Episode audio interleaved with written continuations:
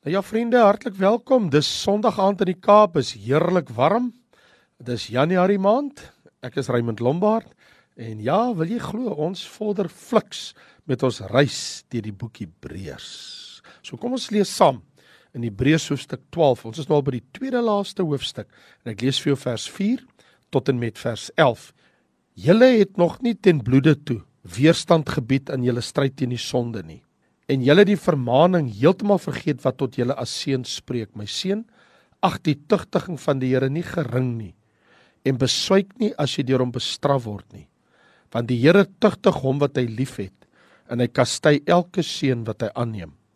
As julle die tugtiging verdra, behandel God julle as seuns. Want watter seun is daar wat die Vader nie tugtig nie? Maar as julle sonder tugtiging is, wat almal deelagtig geword het, dan is julle onegte kinders en nie seuns nie. Verder, ons het ons vaders na die vlees as kastyders gehad en ons het vir hulle ontsag gehad. Moet ons nie veel meer aan die Vader van die geeste onderworpe wees in lewe nie. Want hulle het ons wel 'n kort tydjie na hulle beste wete getugtig, maar hy tot ons beswil sodat ons sy heiligheid kan deelagtig word. Nou lyk elke tugtiging of dit op die oomblik nie 'n saak van blydskap is nie, maar van droefheid. Later lewer dit egter 'n vredevolle vrug van geregtigheid vir die wat daardeur geoefen is. 'n Wonderlike woord hierso deur die skrywer van die boek aan die Hebreërs. Ek wil met jou praat oor die versekering van die Vader se liefde en die goddelike dissipline wat daarmee saamgaan. Die Hebreërs skrywer nadat hy aan sy lesers die doelwit gestel het. Wat is die doelwit? Die vorige verse: Hou julle oog op Jesus in julle Christelike wedloop. Hy het mos daar in die vorige verse gesê vers 2: Die oog gefestig op Jesus, die leidsman, die volëinder van die geloof wat vir die vreugde wat hom voorgehou is, die skande verag het, die kruis verdra het aan die regterkant van die troon van God gaan sit het. Nou gaan hy voort om te sê God behandel ons as kinders in liefde. Omdat ons sy kinders is, behandel hy ons as sy kinders in liefde. Want een ding wat Christene moet weet, gelowiges, 'n vader se hand sal nooit sy kind 'n onnodige traan laat stort nie. Jy tugtig nie jou kind en roep hom tot orde onnodiglik nie. So vers 5 en 6 het ons nou hoeka gelees. Julle het die vermaaning heeltemal vergeet wat tot julle seun spreek. My seun ag die tugtiging van die Here nie gering en beswyk nie as jy deur hom bestraf word nie. Hoekom nie? Want die Here tugtig hom wat hy liefhet en hy kastei elke seun wat hy aanneem.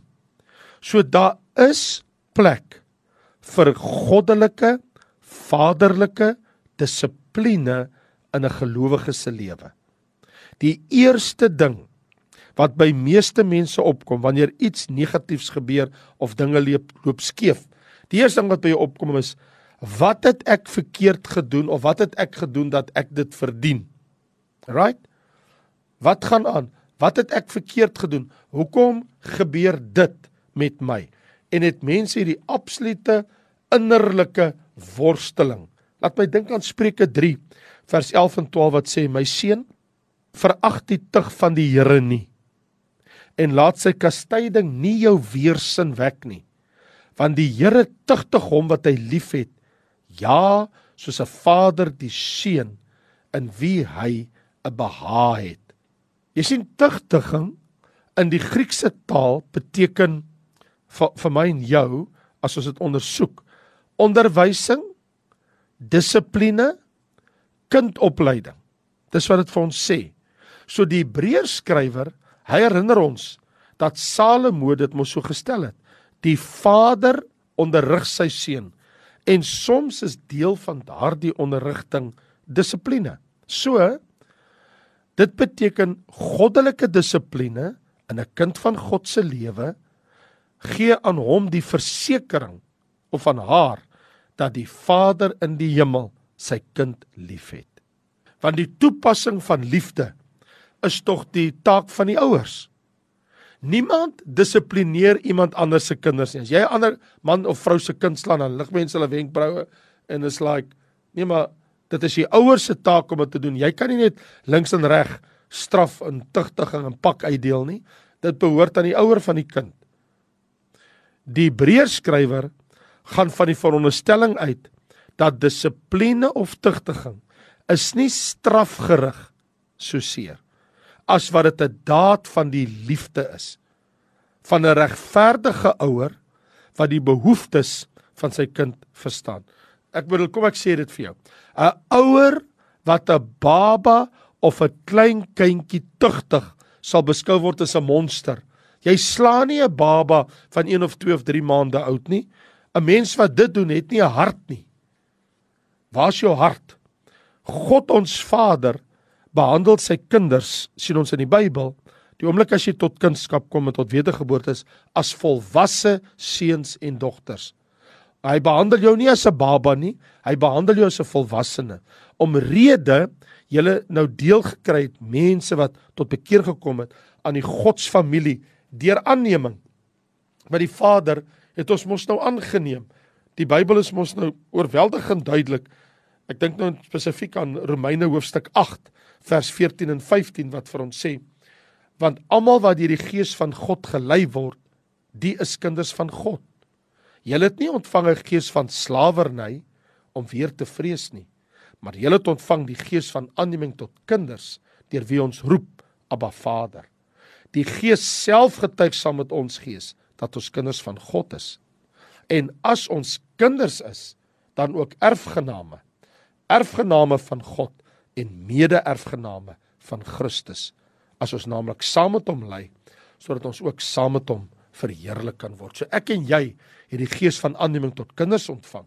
So nou is ek 'n kind van God En daarom, omdat ek 'n kind van God is, is daar plek vir goddelike dissipline in God se kind se lewe. En nou die vermaaning in vers 5. Hy sê en jy het julle die vermaaning vergeet, heeltemal vergeet wat tot julle spreek, ag die tugtiging van die Here nie gering nie. In ander woorde, het jy vergeet wat in die Bybel geskrywe staan? Ek weet van 'n sensusopname wat toon dat in die moderne kerkwêreld vandag dat baie gelowiges nie eens die name van die 66 Bybelboeke ken nie. As ek vir jou vra, gee vir my al die name van die 66 Bybelboeke. Kan jy dit doen? Ek weet dat in die sensusverslag is daar gesê dat die meeste gelowiges weet nie eers waar in die Bybel staan die 10 gebooie geskryf nie. Hulle kan nie eens vir jou sê watter hoofstuk van watter Bybelboek nie. En verrassend dat die meeste van hulle kan nie eens vir jou sê in watter hoofstuk van watter Bybelboek is die saligsprekinge van die Here Jesus opgeteken nie. So nou vra ek, as mense nie eens hierdie elementêre dinge van die Bybel weet nie, van God se woord, hoe sal hulle weet van vaderlike goddelike dissipline? En nou lees ek hier in vers 7: As julle die tugtiging verdra, behandel God julle as seuns. Want watter seun is daar wat die Vader nie tugtig nie? Dus wanneer swaar kry en stryd die gelowige se pad langs kom, dan moet ons weet dat die goddelike dissipline of tugtiging kan ten minste drie verskillende vorms in 'n gelowige se lewe aanneem. Wat ons kan praat van korrektiewe dissipline of tweedens ons kan praat van voorkomende dissipline of derdens ons kan praat van opvoedkundige dissipline. Wanneer ons praat van korrektiewe dissipline, dis soos koning Dawid wat sê dat ja, dis waar, hy is die groot voorbeeld dat die Here het waarlik waar wat sy sonde betref opgetree en dit geopenbaar aan die hele volk. En in sy geval is daar korrektiewe dissipline. God het hom nie gestraf en veroordeel tot die dood vir wat hy verkeerd gedoen het nie, maar die Here wil hom verhinder om dit weer te doen in 'n verkeerde rigting te beweeg. Kom ek sê vir in die Nuwe Testament is daar 'n klassieke gedeelte wat ek dit vir jou kan aanstip. Dit is byvoorbeeld in 1 Korintiërs hoofstuk 11. Lees ons daar in vers 29 en in vers 30. Wat wie op onwaardige wyse eet en drink, dis ons by die nagmaal kom, eet en drink 'n oordeel oor homself terwyl hy die liggaam van die Here nie onderskei nie.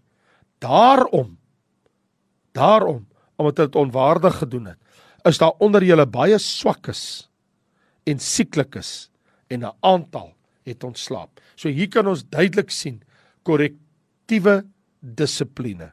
Maar dan het ons ten tweede voorkomende dissipline. Dit is 'n absolute feit van bosbou dat wanneer klein bome naby groot bome weggeneem word, dat die groot bome baie keer self begin omval. In die bosbou manne het lank kop gekrap En toe het hulle uitgevind wat gaan nie aan. Die kleiner bome beskerm die groot bome die die onderste stamgedeelte teen die natuur se aanvalle. Dus het die groter bome het dit nooit geleer om alleen te staan as die klein bome nie daar is nie. Hulle het nooit geleer om krag te ontwikkel om alleen te staan nie. So die punt is God laat baie maal toe dat sy kind deur swaar kry gaan dit maak sy kind sterker en verhinder sy val. En Paulus is vir ons so absolute voorbeeld in 2 Korintiërs hoofstuk 12 en ek dink jy mag dalk hierdie gedeelte baie goed ken. Daar waar hy sê in hoofstuk 12 vers 1 en in vers 7 tot 9. Dit is waarlik vir my nie nuttig om te roem nie, want ek sal kom tot gesigte en openbaringe in die Here en dat ek my oor die voortreffelikheid van die openbaringe nie sou verhef nie is my 'n doring in die vlees gegee engel van die satan om my met die vuis te slaan dat ek my nie sou verhef nie. Hieroor het ek die Here 3 maal gebid dat hy van my sou wyk. En hy het vir my gesê my genade is vir jou genoeg want my krag word in swakheid volbring. Baie liewer sal ek dus in my swakhede roem sodat die krag van Christus in my kan woon. So daar kan ons sien Paulus praat van voorkomende dissipline, maar dan het ons ook die aspek van opvoedkundige dissipline. Ek bedoel die hele lewensverhaal van Job in die Ou Testament openbaar as jy gaan kyk na al sy terugslag en wat hy beleef het en wat hy nie deurgegaan het nie. Een ding weet ons verseker dat sy terugslag en sy swaar kry. Ek verwys nou na na Job in die besonder sy terugslaan, sy swaar kry, was nie die gevolg van korrektiewe of voorkomende dissipline nie, maar wel was dit in sy geval opvoedkundige dissipline. Hoe weet ons dit? Want in die laaste hoofstuk, hoofstuk 42, verklaar Job self uit sy eie mond aan die einde van alles wat hy moes deurmaak. Hoor wat sê Job? Ek weet Job 42 vers 2 dat u alles kan doen en geen plan vir u onuitvoerbaar is nie. Nou gaan hy verder. Wie verberg die raadsbesluit daar sonder kennis? So het ek dan gespreek sonder om te verstaan. Dinge te wonderbaar vir my wat ek nie begryp nie. Hoor tog en ek sal spreek. Ek sal u ondervra en onderrig u my. Volgens hoor sê het ek van u gehoor, maar nou het my oog u gesien. Daarom herroep ek en het berou in stof en as. Wat 'n woord. En so kan ek en jy dan nou ook sien, baie duidelik, dat wat gelowiges baie keer deurmaak is God se liefdevolle manier van om uiteindelik alles tot hulle voordeel te laat uitwerk. Staan daar dan in Romeine 8 vers 28. Ons weet dat vir hulle wat God liefhet, alles ten goeie meewerk vir hulle wat na sy voorneme geroep is. So vriende, as ons terugkeer na Hebreërs hoofstuk 12 dan sien ons dat hier in vers 8 en 9 dat die primêre rede vir die dissiplinering van gelowiges die vaderlike dissipline is dat ons is kinders van die hemelse Vader vers 8 en vers 9 hy sê As julle sonder tugtiging is, dan is julle onegte kinders en nie seuns nie. Verder, ons het die vaders na die vlees gehad as kastyders en ons het vir ons sag gehad. Moet ons nie veel meer aan die Vader van die geeste onderworpe wees en lewe nie. So hier is dit baie baie duidelik. As daar nie dissiplinering is nie, as dit ontbreek, dan is dit omrede daar is nie 'n Vader nie. 'n Vader, en nou verwys ek na ons hemelse Vader, behandel ons as sy seuns en sy dogters. En om hierdie rede kan hy en mag hy ons dissiplineer. Daar staan tog duidelik in Spreuke 13 vers 24: Wie sy roede terughou, haat sy seun, maar hy wat hom liefhet, besoek hom met tugtiging. In die antieke wêreld, vriende, was dit ondenkbaar dat 'n vader sy kind kan lief hê en hom nie tugtig nie. Staan daar dan in Hebreërs 5 vers 8 en 9 wat Jesus betref dat hy al was hy die seun, die seun van God, het gehoorsaamheid geleer uit wat hy gelei het. En nadat hy volmaak is, het hy vir almal wat hom gehoorsaam 'n bewerker van ewige saligheid geword. So wanneer ons na hierdie gedeelte kyk van die vaderlike tugtiging en dissipline, dan bring dit ons hier sien ek in vers 9 tot wat uh, sommige mense noem die fortoiri argument. Die fortoiri argument op grond van vers 9 wat sê ons het ons vaders na die vlees as kastyders gehad, ons het vir ons sag gehad, moet ons nie veel meer aan die Vader van die Geeste onderworpe wees en lewe nie. Die woordjie fortoiri in Latyns is letterlik van die sterker argument. So dit die fortoiri argument word gebruik wanneer 'n konklusie gemaak word dat dit selfs die ooglopende of die oortuigende verbysteek. Dit wil sê as die een feit waar is, dan is die tweede net so waar en selfs 'n groter waarheid. So wat is die eerste feit? Die feit is 'n aardse vader tugtig sy kinders deur tugtiging, hy onderwerp hulle aan sy vaderlike dissipline. Nou dat dit waar is, sê die vers, vers 9, die fortoiri argument dat die hemelse Vader van wie ons sê dat ons sy kinders is, ons moet ons onderwerp aan hom, die Vader van die geeste en ons aan sy vaderlike tug en dissipline onderwerp. Hoeveel te meer as ons ons aan ons aardse Vader onderwerp het, moet ons ons aan ons hemelse Vader onderwerp, want ons aardse vaders was maar net tydelik ons aardse vaders want ook hulle sterwe af, maar ons hemelse Vader is ons ewige Vader. Vers 10 sê tog, want hulle die aardse vaders het ons vir 'n kort tydjie getugtig tot hulle eie volgens hulle tot ons beswil Hy sê so dis wat hulle gedoen het. So hulle dissipline, my aardse vader het my net vir 'n kort tydjie gedissiplineer. En hulle het ook maar geleer deur te doen. Soms het hulle ons te hard getugtig, ander kere was hulle te laks in hulle tug en soms was daar voortrekkery wat vir ons probleme veroorsaak het in die familie. Soms het hulle die verkeerde kind gestraf. Jy het 'n pak gekry wat jou broer of jou suster moes gekry het.